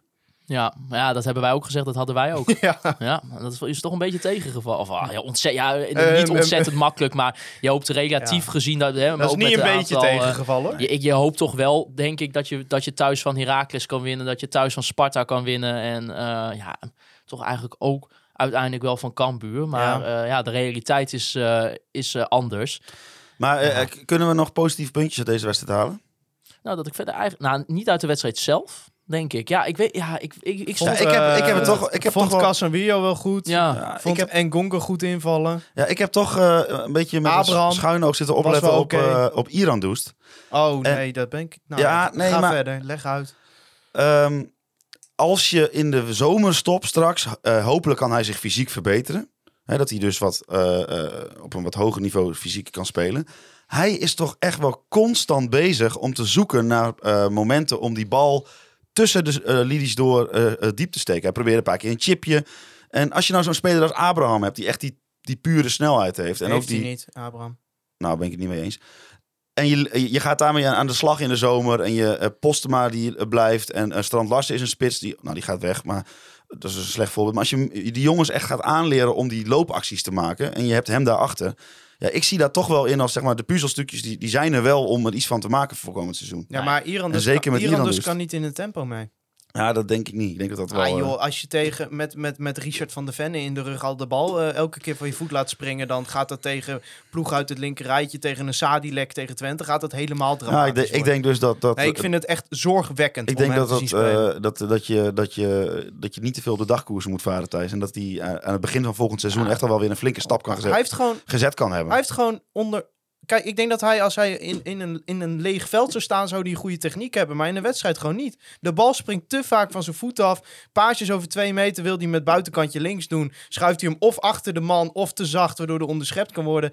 Het is gewoon, op dit moment is het gewoon keukenkampioen divisie kwaliteit. Ja, ik denk toch dat als hij, dat als hij een goede voorbereiding heeft, eh, zich fysiek goed kan voorbereiden en ook eh, met een andere trainer die misschien een wat andere rol voor hem heeft, dat hij nog wel eens goed uit de verf kan komen. Ja, dat het, Nou, weet je, ik- en dat hij nog steeds hem ook niet af. en, maar en ik dat hij nog steeds heel vaak, maar ook dat hij, positief. dat hij nog steeds heel vaak eh, balletjes verkeerd gaat geven, want zo'n speler is het nou eenmaal. Ja, maar eh, niet over twee meter als de nee, speler maar- naast je staat. Volgend seizoen. Ik, ik, Ja. zag, ik, zag, ik zag een paar dingen waarvan ik denk van, dit mis je in, in de afgelopen jaren bij FC Groningen. En hij, kan, hij gaat dat Nou, kunnen. Het kan mijn cynische blik zijn, maar eh, ik, zie, eh, ik zie het niet. Nou, ik weet je, je hebt denk ik door het gehele seizoen wel glimpjes gezien van, van zijn potentie. Hè, dat, dat hij, dat hij eh, volgens mij was het ook, Fortuna zit dat uit. Uit mijn hoofd bijvoorbeeld ook dat hij een paar keer echt wel een leuk balletje geeft. Maar ook hij heeft dit seizoen gewoon ook zitten strukkelen met zijn fitheid. Ja, je, zeker. wederom eh, laatst eh, weer een blessure. Eh, ja, dan gewoon compleet wedstrijdritme missen. Ehm, ook hè, gewoon leren om, om in een wedstrijd met, met de andere medespelers om te kunnen gaan. Ja, weet je, dat is voor hem ook gewoon niet lekker. Ik, oh, je kan ook een beetje zeggen wat, wat Paulus Abraham ook had van ja, laten we maar misschien een paar keer een wedstrijd meedoen. Dat, Oh, dat hij daarin in groeit, weet je wel. Maar ja, ik snap jouw gevoel ook wel thuis dat je zegt van ja, wat we nu van hem zien en wat je toch misschien stiekem van tevoren een beetje had gehoopt, voorafgaand aan het Ja, seizoen. maar Ehm, ook Je al wel- wetende dat hij terugkwam van, van, van de blessure, et cetera. Had je, ja, je, je hoopt denk ik gewoon... eh, los van zijn te fysieke eh, mankementen. Je ziet dat hij één ding, dat hij daar extreem goed in is ten opzichte van de rest van de selectie. En dat is zien waar de ruimte ligt eh, eh, bij een lopende speler. Je ziet het Ja. één keer bij Strand Larsen. Nou, dat is bijna een doelpunt.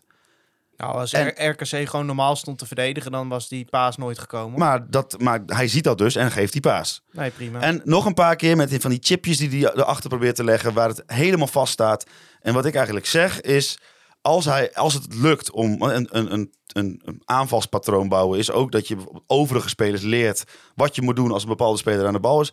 Als bijvoorbeeld een Abraham of een Ngonge, als dat soort jongens leren van, hé, hey, ik moet dan die, die loop inzetten en dan kan, gaat, hij mij, gaat, gaat hij mij zoeken. Dat is namelijk de speler die mij gaat zoeken. Ja, dan heb je een wapen. Ja. En dan mag hij van mij de rest van de ballen de tribune eh, inschieten. ja. Toch? Ja, nou, inderdaad, hij heeft wel iets unieks. Wat Dus een, ik eh, zeg niet dat hij de beste speler is die Groningen ooit heeft gehad. Maar ik zeg dat ik potentie zie dat er volgend jaar onder Wormoed iets kan komen wat, Hè, wat echt gaat zeker, werken. Zeker, ja, ik denk het ook. Maar ja, ik snap, ik, ik snap het sentiment van de supporter ook wel. Ja, dat je nee. toch denkt van, jezus man, inderdaad. inderdaad een Het is geen twee DOC-fout, meter. nee. Het is niet eentje die eh, Ryan Babel fysiek, even... eh, eh, fysiek toch echt heel weinig brengt tot nu toe. Dus ja, ik, het, het sentiment Ja, maar die verliest wel zijn duel wel. van zijn intrainjasje al, hoor. Als hij die aantrekt. Als, als, hij, in Ja, ja. als hij zijn trainingspak aantrekt, dan verliest hij zijn eerste duel. Heel eerlijk Thijs, ik, ik, ik ben het er ook mee eens. Het is altijd in balans, dus hij moet dat ook gaan brengen wat ik nu zeg. Maar als hij dat brengt wat ik zeg, dan mag hij van mij de rest van zijn duels verliezen. Nou ja. Ja, ja, maar nou ja. eh, Dat is de vraag, dat moeten we afwachten. Maar ik zie daar een potentie in voor... Het zou eh, inderdaad fijn zijn als hij in de in- voorbereiding gewoon was- fit kan zijn. ik was eh. niet bij RKC en ik ben aan het zoeken naar positieve puntjes. Ik zie Ja, wel maar- echt puzzelstukjes. Maar daarom, ik, ik ben het ook wel met je een, eens. eh, Als je een beetje een langere, eh, in de gehele voorbereiding, als hij gewoon fit blijft en ook inderdaad dat fysieke werkt, ja, en er ook onder Wormoed misschien wat meer andere aanvalspatronen eh, komen en dat gewoon verbetert, ja, dan zou hij in potentie eh, wel misschien wel de belangrijkste speler voor Nou, in eh, ieder geval in Wormoed dat aanvallende het- spel. Precies, kunnen Ja. zijn. Dus ja, ik, eh, ik hoop het. We hopen denk ik eh, allemaal als, eh, als Groningen supporters. Eh, een ander opvallend moment nog na de wedstrijd was het eh, interview van Bart van Hintem. Dat ging vrij eh, viral.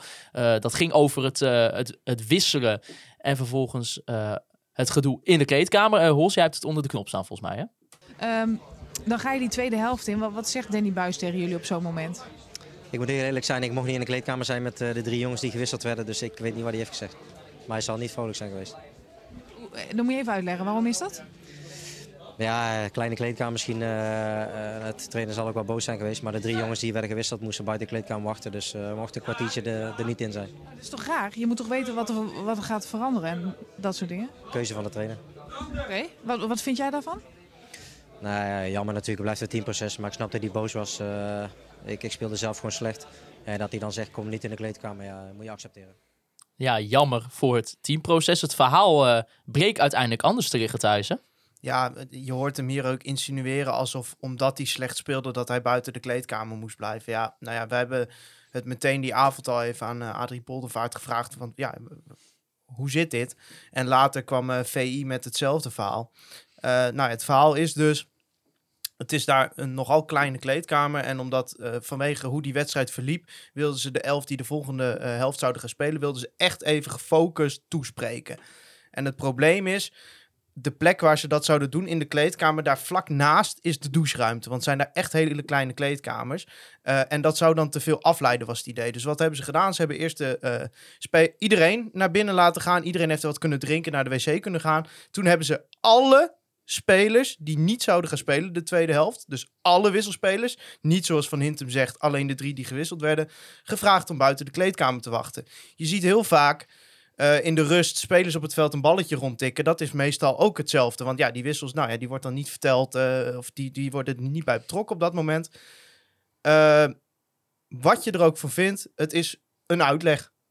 En het is niet het verhaal wat Bart van Hinten vertelt. En als jij Bart van Hinten bent en eh, een van de oudste spelers van de groep bent, de meest ervaren speler van de groep, eh, en jij zegt dat het teamproces jou interesseert, dan ga jij niet bij ESPN hier het verkeerde verhaal lopen vertellen. Want ik, het gaat er bij mij niet in dat hij zich verkeerd uitdrukt, want hij vertelt gewoon pertinent niet wat het verhaal is. En dan ben je alleen maar aan het onrust stoken. Hij heeft laatst met Mark Vladeris heeft hij onder de bus gegooid toen zijn contract niet werd verlengd. Hè? Dan gaat hij ook op dat sentiment varen wat rondom Vladeris heerst. Ik vind En dat momentje dat hij gaat, uh, eh, Mike de Wierik op de grond gooide er ook bij horen. Ja, goed, we weten niet wat daar de achtergrond van was, dus dat, dat betrek ik er dan niet bij. Maar in dit geval gooit hij eigenlijk gewoon zijn trainer onder de bus, waarvan hij al weet dat gaat gewoon weer te sprake komen. Vier wedstrijden op rij verloren. Ja, dan, dan ben je wat mij betreft je eigen belang echt boven het teambelang aan het stellen. En dan denk ik, ja, hij heeft nog drie wedstrijden te gaan. Laat hem lekker bij, de, bij Jong FC Groningen meetrainen, joh. Dit soort mensen, daar heb je toch helemaal niets aan. Die na zo'n wedstrijd een beetje onrust gaan stoken. Daar kunnen we er ook nog wel bij hebben op dit moment. Ja, het was, eh, het was wel bijzonder inderdaad. Zeker als je... Want eerst, je ziet dat interview en dan denk je... Ja, had ik ook van, hè, waarom, waarom gebeurt dit? Waarom moeten die jongens dan... Ja, ik, Met ik z'n- dacht, met ik dacht eerst ook, eh, god, eh, Danny heeft weer wat verzonnen. Hè, die, die, die, die heeft weer ergens in een boek gelezen dat dit helpt of zo. Eh, Dan laat hij die drie jongens, dat ik denk, ja, die zijn al allemaal teleurgesteld dat ze gewisseld worden. Laat je buiten de kleedkamer. Kijk. Maar het bleek gewoon om alle wisselspelers te gaan. En als hij dit in, in de kleedkamer in Groningen, die veel groter is, eh, had hij dat nooit gedaan. Ja, dan denk ik van, dan, het, het, het, me- ergste wat ik hieraan vind is dat Van Hintem gewoon Eh, terwijl hij weet dat, dat hij eh, als ervaren speler ook een autoriteit is. eh, gewoon het verkeerde verhaal ophangt. En op deze manier nog meer onrust rondom die selectie creëert. Ja, ik vind dat echt, echt slecht. Nou, ik ben het volledig met je eens. Ik, kijk, de enige kanttekening die je kan plaatsen is, wat ik al net zei, dat ik heel erg het gevoel heb dat het is uitgewerkt bij FC Groningen. En dat het volgens mij ook niet altijd even gezellig is. Eh, en eh, dat als het allemaal heel leuk en gezellig was, had Bart van Hintem dit niet gedaan. En dat, dat, dat het zo, hè, dat de sfeer zo is zoals die is, dat is ook een deel natuurlijk hoe Danny Buis werkt. Ja, maar dit is gewoon ondermijning van je trainer. Dat vind ik wat anders. Nee, maar- want eh, de actie op zichzelf, als het daadwerkelijk dit verhaal was geweest, dus dat de drie spelers buiten moesten wachten, heeft Bart van Hintem al het recht om dit te zeggen, want dat had nergens op geslagen. Ja. Heeft Danny Buis zelf ook tegen Dagblad van Noorden gezegd van, ik was gek geweest als ik dat had gedaan, dat zou nergens op slaan. Maar hij heeft gewoon niet het eerlijke verhaal verteld. Nee, maar als ik Danny Buis nu was, zou ik hem ook eh, de komende drie wedstrijden niet meer opstellen. Ik weet, ik zal zelfs afvragen of ik hem nog bij de selectie zou hebben. Nou, ik zou hem echt... eh, ik Nou ja, meen ik het- vraag me meen wel- het ik wil- serieus. Ik ben La- laat hem bij maar Jong FC Groningen Maar het, het meetrainen. eh, tegending wat ik wil opwerpen is dus dat eh, de situatie zoals die is, waardoor dit gebeurt, is natuurlijk niet alleen Bart's schuld. Dat is ook, de, hè, dat is nou eenmaal hoe Danny Buis werkt. Dat roept soms weerstand op. ja, en, en, En daarom denk ik dus, wat ik net al zei, dat die handdoek, die is gewoon uitgewrongen. Ja, Plus- maar jij bent een professional als Bart van Nee, zeker. En je Ik- weet welke sentimenten er heersen. En als je daar in de Maar je moet ook niet doen alsof ik nu heb goed praat. Ik probeer het in een perspectief te plaatsen. kijk, eh, dat er eh, bepaalde spelers zijn waar Danny Buis wat minder goed mee om kan gaan. eh, wat in, op dit soort momenten echt niet helpt. Omdat je dan gewoon meerdere kampen binnen een selectie gaat hebben. Dat is waar. Ja. Maar dat neemt niet weg dat als jij ook nog reserve aanvoerder bent, dat dit kan niet. Nee, dat kan absoluut dit niet. is gewoon niet ondermijning. meer opstellen, klaar. Ondermijning van de trainer. Ja, ik vind dat echt, eh, echt bizar. Nou, ik wil nog wel, ik, ik wil wel de kanttekening nog bij plaatsen. Ik bedoel, de vraag is eh, of hij dit bewust doet. Toch? Nou, hij, hij, hij, hij vertelt drie keer dat verhaal. Hij verspreekt zich niet. Hij zegt letterlijk... Ja, misschien was de trainer boos, daarom moesten wij buiten wachten. En hij zegt, de drie wissels, specifiek de drie wissels... moesten buiten de kleedkamer wachten. Ja, ik, ik zeg niet dat het een vooropgezet plan was. Maar in ieder geval, toen hij die microfoon onder zijn eh, mond kreeg... heeft hij geen enkel moment gedacht... eh Ja, van, maar hij is, eh, Oeh, even uitkijken wat ik zeg. hij is echt tientallen keren geïnterviewd. Hij weet donders goed Ja. dat je gewoon in dit geval gewoon moet zeggen als teamspeler van... Ja, we, eh, ik was niet in de kleedkamer, want... En dan gewoon het echte verhaal uitleggen of er helemaal niet over beginnen. Ja, en het haalt mooi de aandacht van zijn eigen wanprestatie af. Ja, ja nee, maar inderdaad, het helpt gewoon vooral niet. Zeker niet inderdaad in die hele je situatie dat je, joh. dat je vier wedstrijden verliest. eh, nou, inderdaad, eh, ook nog een zondagavond, acht uur wedstrijd. Iedereen kan weer gefrustreerd eh, de bus in of de auto in. En vervolgens eh, zie je dit ook nog op, eh, op de social media kanalen verschijnen Ja. van de ESPN. Ja, Ja, het dat is ook allemaal, eh, allemaal weer niet zo erg. Ik denk dat ze het maandag al opgelost Ja, hebben. klopt. Maar het, het helpt voor de media. ja, wij hebben het er ook weer tien minuten over. Het, het, het helpt niet. Nee, maar ja, goed. Ik vind dat je wel serieus kan, moet afvragen of je hem nog op moet stellen. Nou ja, vind ik een, een zeer valide vraag. Nou, wie- eh, zou je er dan... eh Zwerko. is, eh, Zwerko, Casemiro centraal. Ga dat maar gewoon even de komende weken doen. Ja. Ja, want wat ik eh, van Mike te Wierik hoorde bij de koffiecorner, uh, Stefan Bleker, die zei dat hij echt nog heel veel pijn had.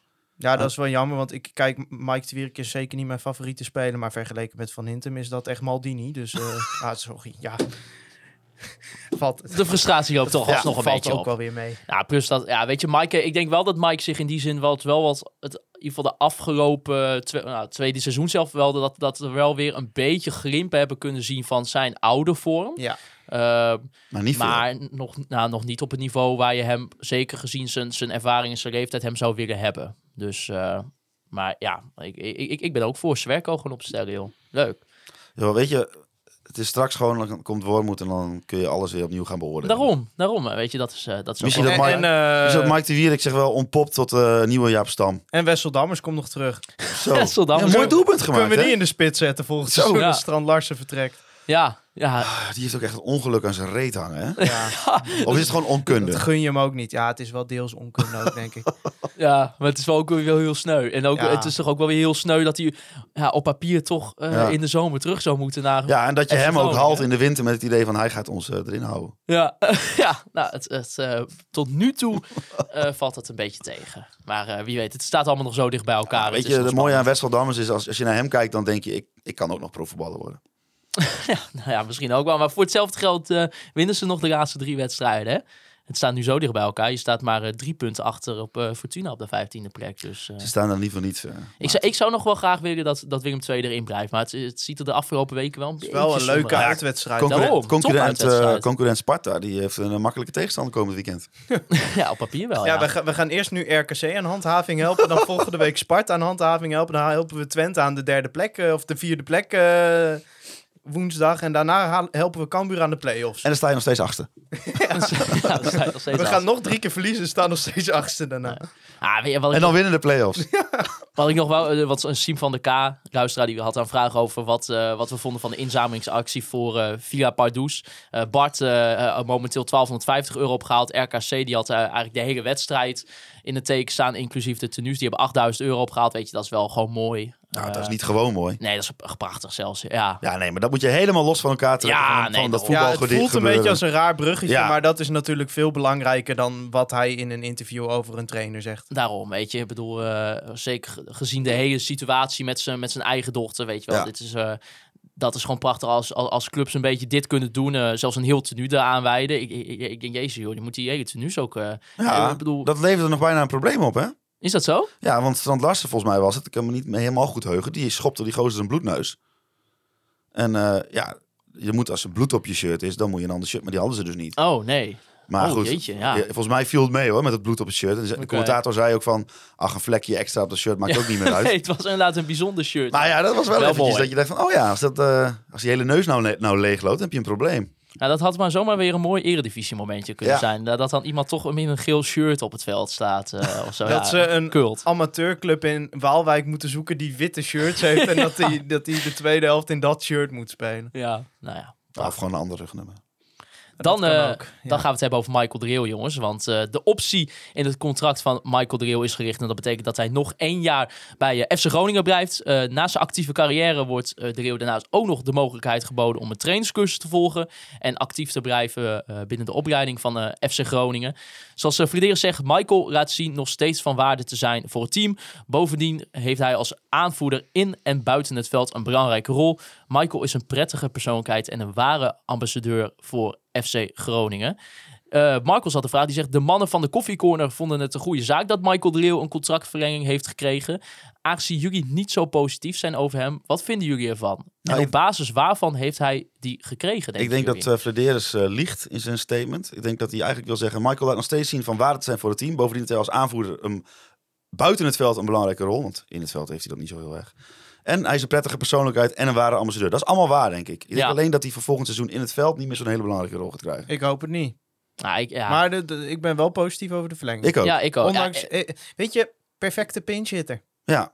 ja, maar, daarom, vorige is- keer- ik denk dat Maar dat zei ik super vorig jaar ook. En nou heb ik toch weer hebben. 30 wedstrijden naar Michael de Leeuw in de basis zitten Ja, kijken. maar niet als, pin, niet als pinchitter. Nee, dat bedoel ik. Dus ik Nee. zei dit vorig jaar ook. Maar ik vind het gewoon Volgens mij eh, is hij prima. Inderdaad, Om perfect voor het laatste half uur. Als je, als, als je wel eh, eh, ja, gewoon maar blind voorzetten gaat En ik heb hem een keer kort gesproken. Het is een ongelooflijk sympathieke gozer. Dus die, die kun je er altijd maar bij zou hebben. het, zou het ook niet, hè? Als, als Wormoed komt en, en er komen echt, eh, eh, eh, komt er een verbetering van het, van het aanvalsplan van de FC, zou hij daar ook niet alsnog als basisspeler in kunnen Ah, passen? Kijk, qua fitheid is het prima, maar hij is aan de bal gewoon niet goed genoeg. En dat is eigenlijk zijn hele carrière. eh, ja, waarom ik hem niet zo eh fijne speler vind.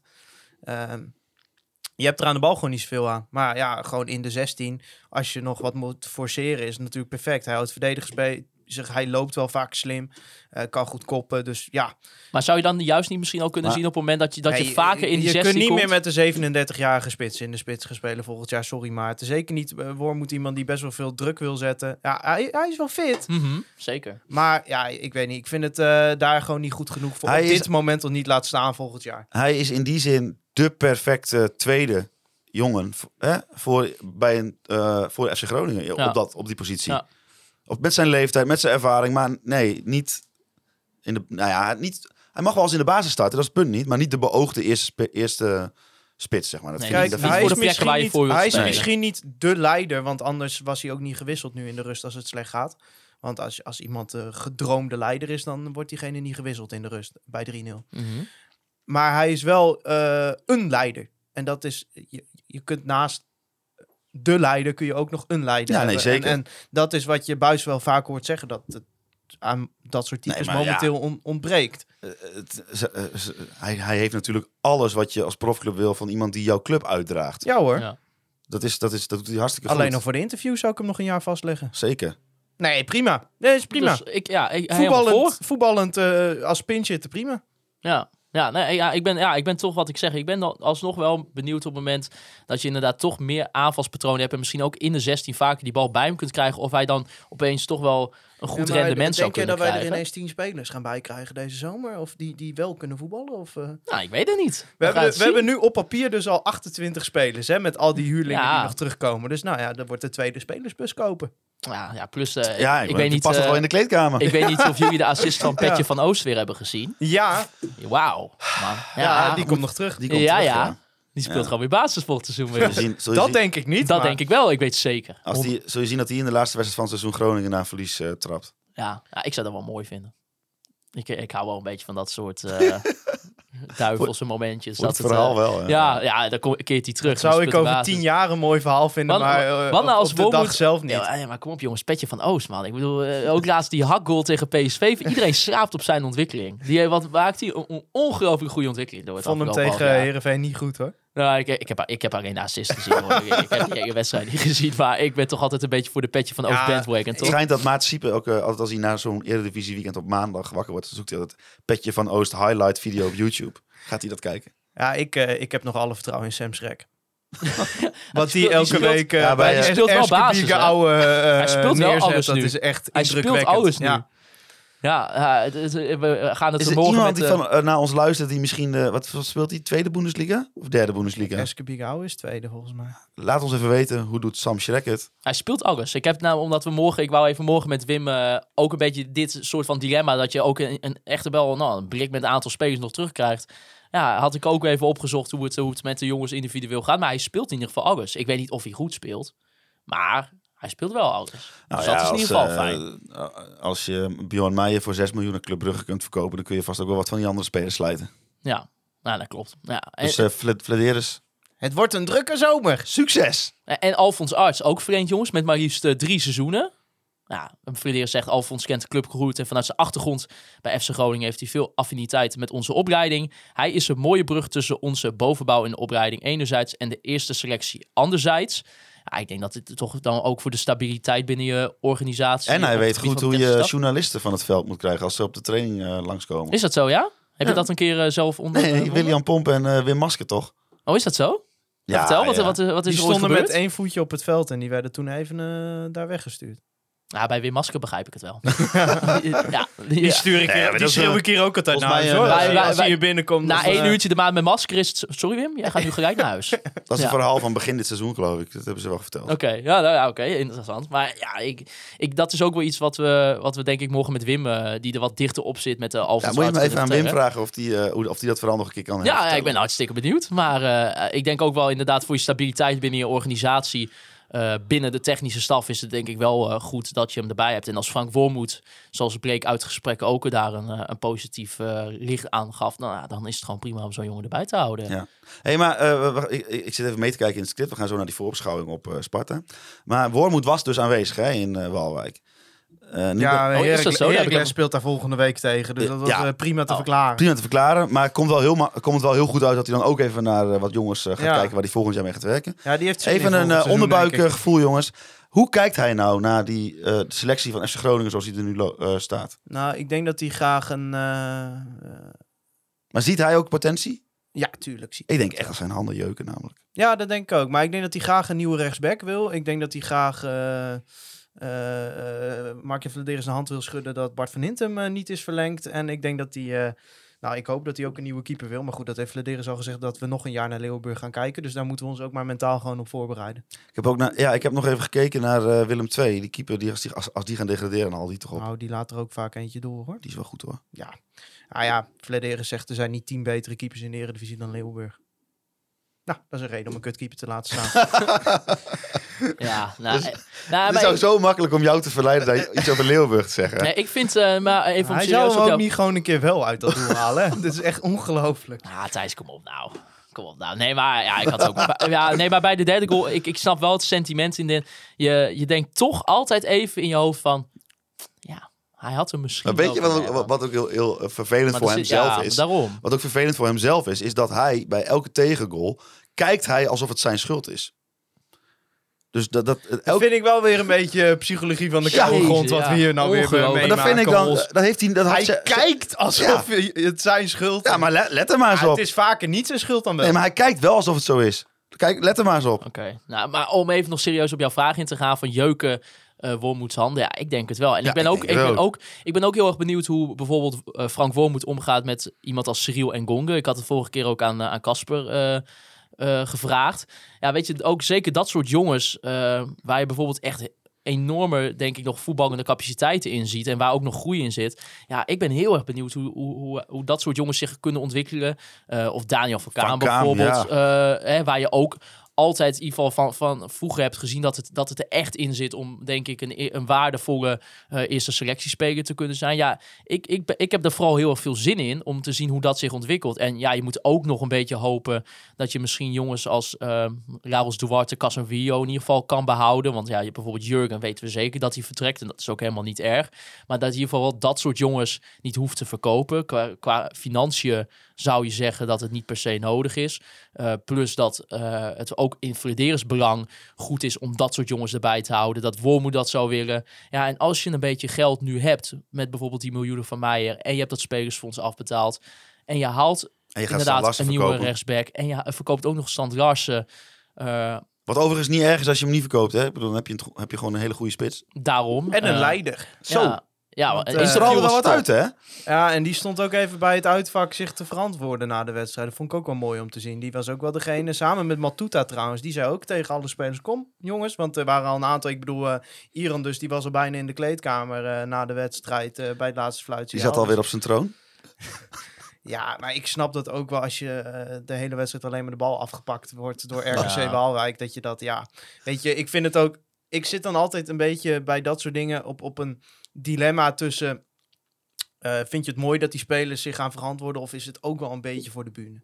Ik denk Ja. dat het een combinatie van twee Ja. is. Maar bijvoorbeeld, je ziet ook wel op het moment dat eh Damiel eh, die terugspeelbal eh, te slap geeft, dat ook daarna Jurgen gelijk naar hem toe komt om hem eh, Ja. om een soort van moed in te praten. Dus hij is wel ook in die zin eh, zich aan het ontwikkelen als een rijderstype. Ja, maar dat is ook, weet je, zo werkt een teamsport. Hè? Kijk, ik vind het altijd verschrikkelijk om te kijken, eh, volleybal.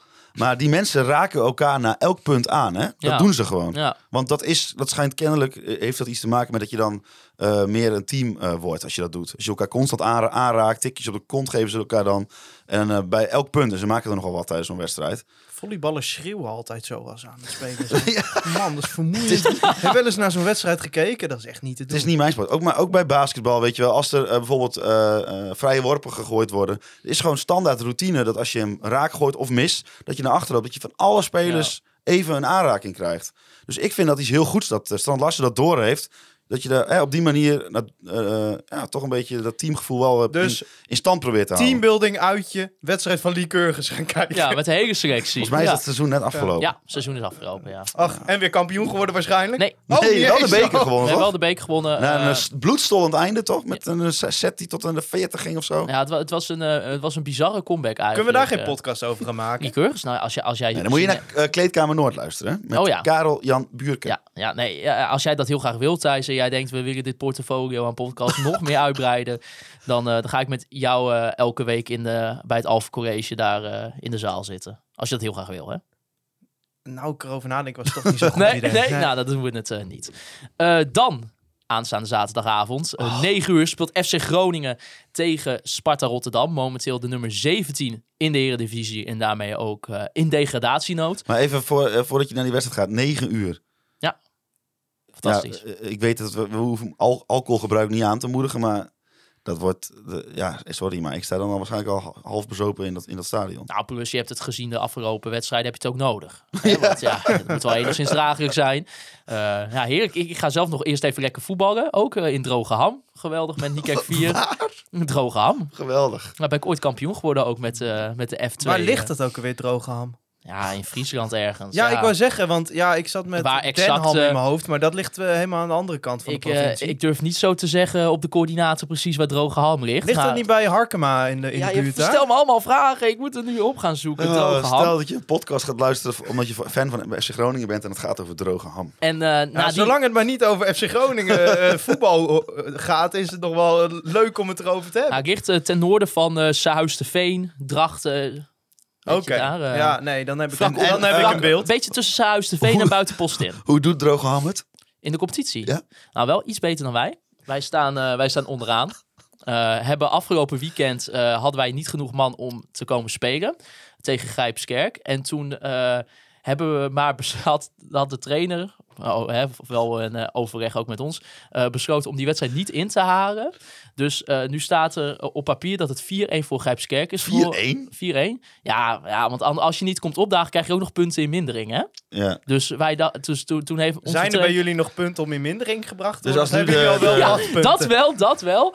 Maar eh, ja, anders, anders had je dus drie punten in mindering. Dus onze coach, Heinen, die had even gebeld. En jij denkt dat het is verstandig, ik maak een podcast, daar vertel ik dat gewoon. Ja, want kijk, Misschien ook, luistert de coördinator van uh, Amateurvoetbal Noord wel, die denkt, hey, nou, dan krijgen we drie punten in mindering. ik, als ik een beetje eh, de, de Nou, stemming... en, een- en een boete, hè? Betaal jij hem? Oh, nou, nou, de boete, dat... eh, dat- moeten we dit eruit knippen, Maarten? Nee, helemaal niet. Helemaal niet. En, maar kijk, op het moment eh, dat, je, dat je niet komt opdagen, wordt het eh 3-0. Maar toen had, heeft onze trainer er nog onderuit onderhandeld dat het 4-1 werd. Dus het is nog even een doelpuntje meegekomen. Eh, ja, ik weet niet. Ik ben nu ook mijn hele verhaal kwijt. Maar oh nee, na de, na de wedstrijd droge ham uit. Gaan we lekker naar het stadionnetje toe. En dan eh, gaan we lekker naar, eh, naar FC Groningen Sparta kijken. Ja, zijn jullie bang dat het hè, toch ook weer een team wat moet? Ze moeten de punten halen. Wordt het een, eh, een herhaling van de afgelopen weken? Ja, weet je, dat Sparta is ook niet zo goed, hoor. Nee, understatement. Nee. understatement. Jij bent wel echt van de stevige uitspraken. Ja, Maar een nieuwe trainer, Maurice Stijn, gelijk een puntje gehaald tegen AZ in eigen ja huis. maar als AZ een beetje hun best hadden gedaan, dan, dan, dan had die vrije trap in de laatste seconde niet zoveel meer uitgemaakt. Nee. Ja, ook een lekker, lekkere podcast, denk ik, om te maken als je nu eh, Sparta volgt. Hè, met Henk Vrezen, die, eh, die opstapt omdat zijn eh, assistent Rankovic eigenlijk Denk je dat uh, Buis was, was opgestapt als ze Adrie eruit hadden gegooid? Zo, vind ik een interessante vraag. Ik, denk, het- ik denk het wel. Nou, ja, ja jeetje, weet ik ook eigenlijk helemaal niet. Nee. Interessant, ja. Maar dat doet Flederis niet. Ja, nee, dat zou ontiegelijk... Waarom zou... ik- Ja, ik, ik, ik weet... Ik, Ik, ken- vind het sowieso een ik ken niet helemaal het gebeurt, verhaal hoor. Ik, eh, ik heb niet eh, me zo verdiept in, eh, Ze in dat moment. frisse wind in de, in de technische staf. Dus hebben ze de assistent eruit gegooid. Dat is echt ongekend. ja, het is heel, eh, heel bijzonder dit seizoen bij Sparta Rotterdam. Maar misschien kunnen wij dat ook doen. Kan Adrie alvast naar de graafschap toe? Ja, nou wie weet. Ja, precies. Hij is, nog, eh, hij is wel nog kandidaat natuurlijk. Dus eh, dat had zomaar een optie kunnen zijn. Maar ja, ik, ik, dit is zo. Ik laat het toch alsjeblieft naar vier verlieswedstrijden. En zeker drie waarvan je ook nog gezegd. Nou, dat het bloedje uit de ogen komt. Toch hopen dat je zondagavond 9 uur. Ah, als, we als, we, als olie. we deze weer verliezen, dan ben ik er niet maandag bij de podcast. Oké, ja, dan, eh, dan gaan we met z'n twee opnemen. eh, Misschien is dit niet goed, want nu gaan ze juist slecht spelen. Ja, eerder dit seizoen. eh Maar dat meen jij, Thijs? Ja, Echt waar? 100%? ja, ja, Deze afspraak maken we? ja. Oké, dan is Thijs Faber er Vijf keer op rij verliezen, daar ga ik niet mee akkoord. Maar dan de week daarna ben je er ongeacht het resultaat wel weer. ja, ja, ja. Dus nou, als- we spelen dan op woensdag tegen Twente, hè? Oh ja. Nee, als wij van Sparta weer verliezen, dan ben ik er niet. Oké. Nou, Sparta Rotterdam uit was ook de wedstrijd eh, waarna Buis zei... eh, ik heb voor het eerst in drieënhalf jaar bij FC Groningen... tijdens de tweede helft geen team op het veld zien staan. Het cruciale moment ook daarna in, eh, dat, dat Danny Buis aan de gro- groep heeft gevraagd van... ja, willen jullie eh, nog met me door? Hebben jullie Ja. vertrouwen in mij? Ja, laten we toch hopen dat we nu thuis tegen Sparta... dat, we, dat het wel een beetje tijd kan gaan keren, toch? Nou, dat zou het verhaal toch eens mooi rondmaken. Ja, wie weet. Want, eh, ook... Nou, hij heeft, wel- het wel over om andere jongens erop te gooien. Maar waar, waar, waar moeten we dan aan gaan denken? Nou ja, Dimitri van Tel vroeg ook, en Kees had een beetje dezelfde vraag, maar ik quote even Dimitri van Tel. Hij zegt, ja, Mike terug op rechtsback. Nou ja, Mike Oh. is natuurlijk niet fit, dus dat ziet er denk ik niet in. Maar bijvoorbeeld, ja, je zou, hij zegt dan, ja, Casario misschien terug naar het centrum met dan Matuta en eh, of Van Kaam op het middenveld. En misschien weer Engonga laten starten. Ja, wat moet er allemaal gebeuren? Nou, kijk, weet je, behalve wat dat de af, afgelopen wedstrijd waren het eh, twee hele grote foutenmakers. Natuurlijk Bart van Intem en Daniel Dankelui. Ja, dat zijn natuurlijk de usual suspects om eh, de, eruit te laten. En dan ga je het hebben over Elhan Kouri gewoon als rechtsback, Ja. denk ik. Casemiro en Sverko centraal achterin. Met vier man verdediging. De- ja, dat is, dat is het. e- e- Ja, ja, ja, En de rest is toch gewoon een beetje deel, neemt deel aan de. Maakt deel uit van de malaise, zeg maar. Het is niet Ja. dat er heel veel jongens daarvan uit de pas lopen of zo. Ah, ik vind Engonga voor eh, de Leeuw wel een goed idee. Probeer het maar. Ik vond Ja. hem best goed invallen eigenlijk. Want ik vind eigenlijk een beetje. Kijk, je kunt bijvoorbeeld eh, wel met Iran dus gaan spelen. Maar dan moet je niet met eh, iemand als El Hankouri op, in de aanval gaan spelen. Dan moet je echt met een eh, Abraham spelen. En ook gaan gokken op die loopacties. En gaan gokken op die, op die eh, steekpaasjes. Anders heeft het geen zin om met Iran dus te spelen. Ja, aan de andere kant kan je ook wel zeggen, Thijs, bij, eh bij Engonga, als er iemand zeg maar niet echt het eh, teampatroon volgt op het moment dat het slecht gaat en zijn man wel hier en daar eens gaat lopen, dan is het wel Engonga. Ja, maar... Zou je dan niet bijvoorbeeld Nou, voor Romano volgens- Postema willen kiezen?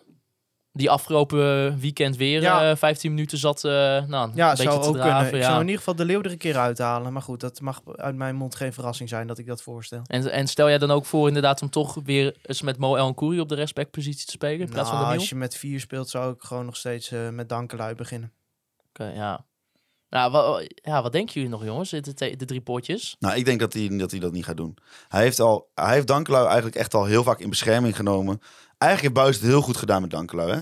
Want elke keer maakte hij toch fouten. En zei Ja. Buis, ja, fouten maken we allemaal. En hij stelde hem gewoon elke keer weer op. En daar zit een tax aan. En ik denk echt dat dit die tax is. Ja? Dat denk ik wel, ja. Want hij heeft hem echt niet bij zijn eerste fout geslachtofferd. Ook niet bij zijn tweede. Ook niet bij zijn derde. En op een gegeven moment is het gewoon klaar. Als jij structureel fouten maakt, ben je structureel niet goed genoeg. En dan kun je er beter eentje neerzetten die misschien verdedigend ook niet al te best is. Maar ja, die wel op, eh, hè, op bepaalde andere vlakken wat meer zekerheid biedt. Ja.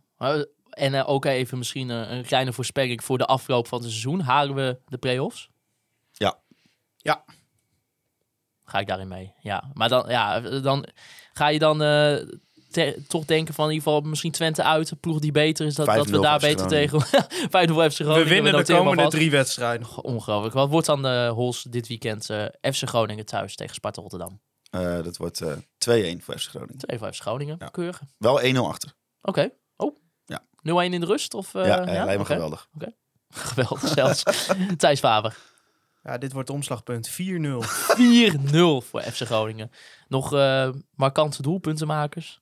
Strand Lars vier keer. Vier keer. Ik ga zelf voor een 1-0'tje. Ook, eh, ik, ga, ik speel een beetje veilig. Ik wil een keer wel ook een voorspelling goed hebben. Voor, eh voor Rutger Ottens, die het allemaal bijhoudt eh, bij ons. Had ik RKC niet een nederlaag voorspeld? Durf ik niet te zeggen. Dan moet ik de podcast terug Uh, luisteren. Rutger eh, mail even of ik het inderdaad goed had. Want ik heb het gevoel dat ik een nederlaag had voorspeld. Oké, ja. Nou, in ieder geval eh, laten we hopen dat FC Groningen na vier verliespartijen, waarvan drie eh, echt heel erg tegen vier, het, eh, het tij kunnen keren. Tegen Sparta Rotterdam. Ja, als ik nog nuchter ben tegen die tijd en het meemaak. Ja, dat is ook nog maar de Ik ben, vraag. ben altijd bij bang jou- dat ik zondagochtend die wedstrijd zit terug te kijken. Om te kijken wat er allemaal, eh, hoe we speelden. Ja, we hebben er zin in. Eh, morgen, dan spreek ik over woensdag 4 mei, een nieuwe De Maand met Masker komt middags online. Ja, voor, daar eh, voor voorspellen we altijd voor elke maand hoeveel punten FC Groningen gaat halen. Volgens mij had niemand nul punten gezegd, toch? Ik, eh, ja, nee, Volgens mij had ik zal wel- zelfs 9 gezegd. Oh, nou, ik, dat moeten misschien eh, zou ik voor morgen nog even terugluisteren wat, eh, wie het eh, eventueel goed had. Dat komt online. Komt nog een tegenstander van de week natuurlijk in aanloop naar Sparta Rotterdam. En wij zijn volgende week maandag, zeg ik hier even hardop, maandag denk ik hè. Nou ja, thuis als, als, als Groningen verliest is thuis er niet bij. Dan neem ik lekker met z'n tweeën op. Ja, En gaan we, dus, dan kunnen we misschien iemand erbij vragen of zo? ja, misschien wel. Iemand die Eh, positief is. Ja, nou ja, daarom. eh, daar gaan we dan nog even over nadenken. Iemand die Eerst alleen even maar, het eh, resultaat afwachten. Ja, maar iemand die echt alleen maar de positieve dingen van eh, ziet. Want als Thijs er niet is, dan moeten we ook even echt een andere show maken. Zeker, dat, eh, dat komt helemaal goed. Maar ik hoop wel... Je dan ook niet in zo'n rode stoel zitten kijken, Thijs? Ja, je komt wel gewoon echt, fysiek kom je wel. jawel. Oké, maar dan hou je ook je bek. Ik wil nee, geen decibel wil ik horen van dat stemmetje van jou. Daar spreken we nu af. Ah, als, je, als je vijf keer op rij verliest, moet je een statement afgeven. Precies. Gewoon ge- dan Dan moet je niet- jezelf ook even belangrijk maken, vind ik. Ja, precies. Nou, Oh, dan, eh, met, eh, in, dan, sorry, sorry Rutger, maar dan maak ik het 2-1 voor, eh, voor Sparta van. Oké, jij hoopte dat Thijs er een keer niet bij Maar gelijk spel, dan, dan ben ik er gewoon. Ja, oké, oké, oké. Nee, dan hebben we dat afgesproken. Jullie kunnen Conforminder de podcast volgen op al onze social media kanalen. Dat is eh, Twitter, Facebook en Instagram. Raad ook via Spotify en Apple Podcasts even een recensie achter, mocht je dat nog niet hebben gedaan. Ik wil natuurlijk eh, Andy Zuidema bedanken voor de foto's die wij elke week mogen gebruiken voor al onze social media uitingen. Onze grote vrienden van de Online Retail Company, inclusief B-Trip, voor de Online Retail Company moment van de week. Onze petje.affers die ons supporten, wil je dat ook doen? Ga dan naar convominder.nl. Free Westerhof en Mark Pepping voor de intro en outro muziek. En als laatste wil ik jullie, de luisteraars, bedanken voor het luisteren naar Conforminder, de podcast. Juichen als FC Groningen weer scoort.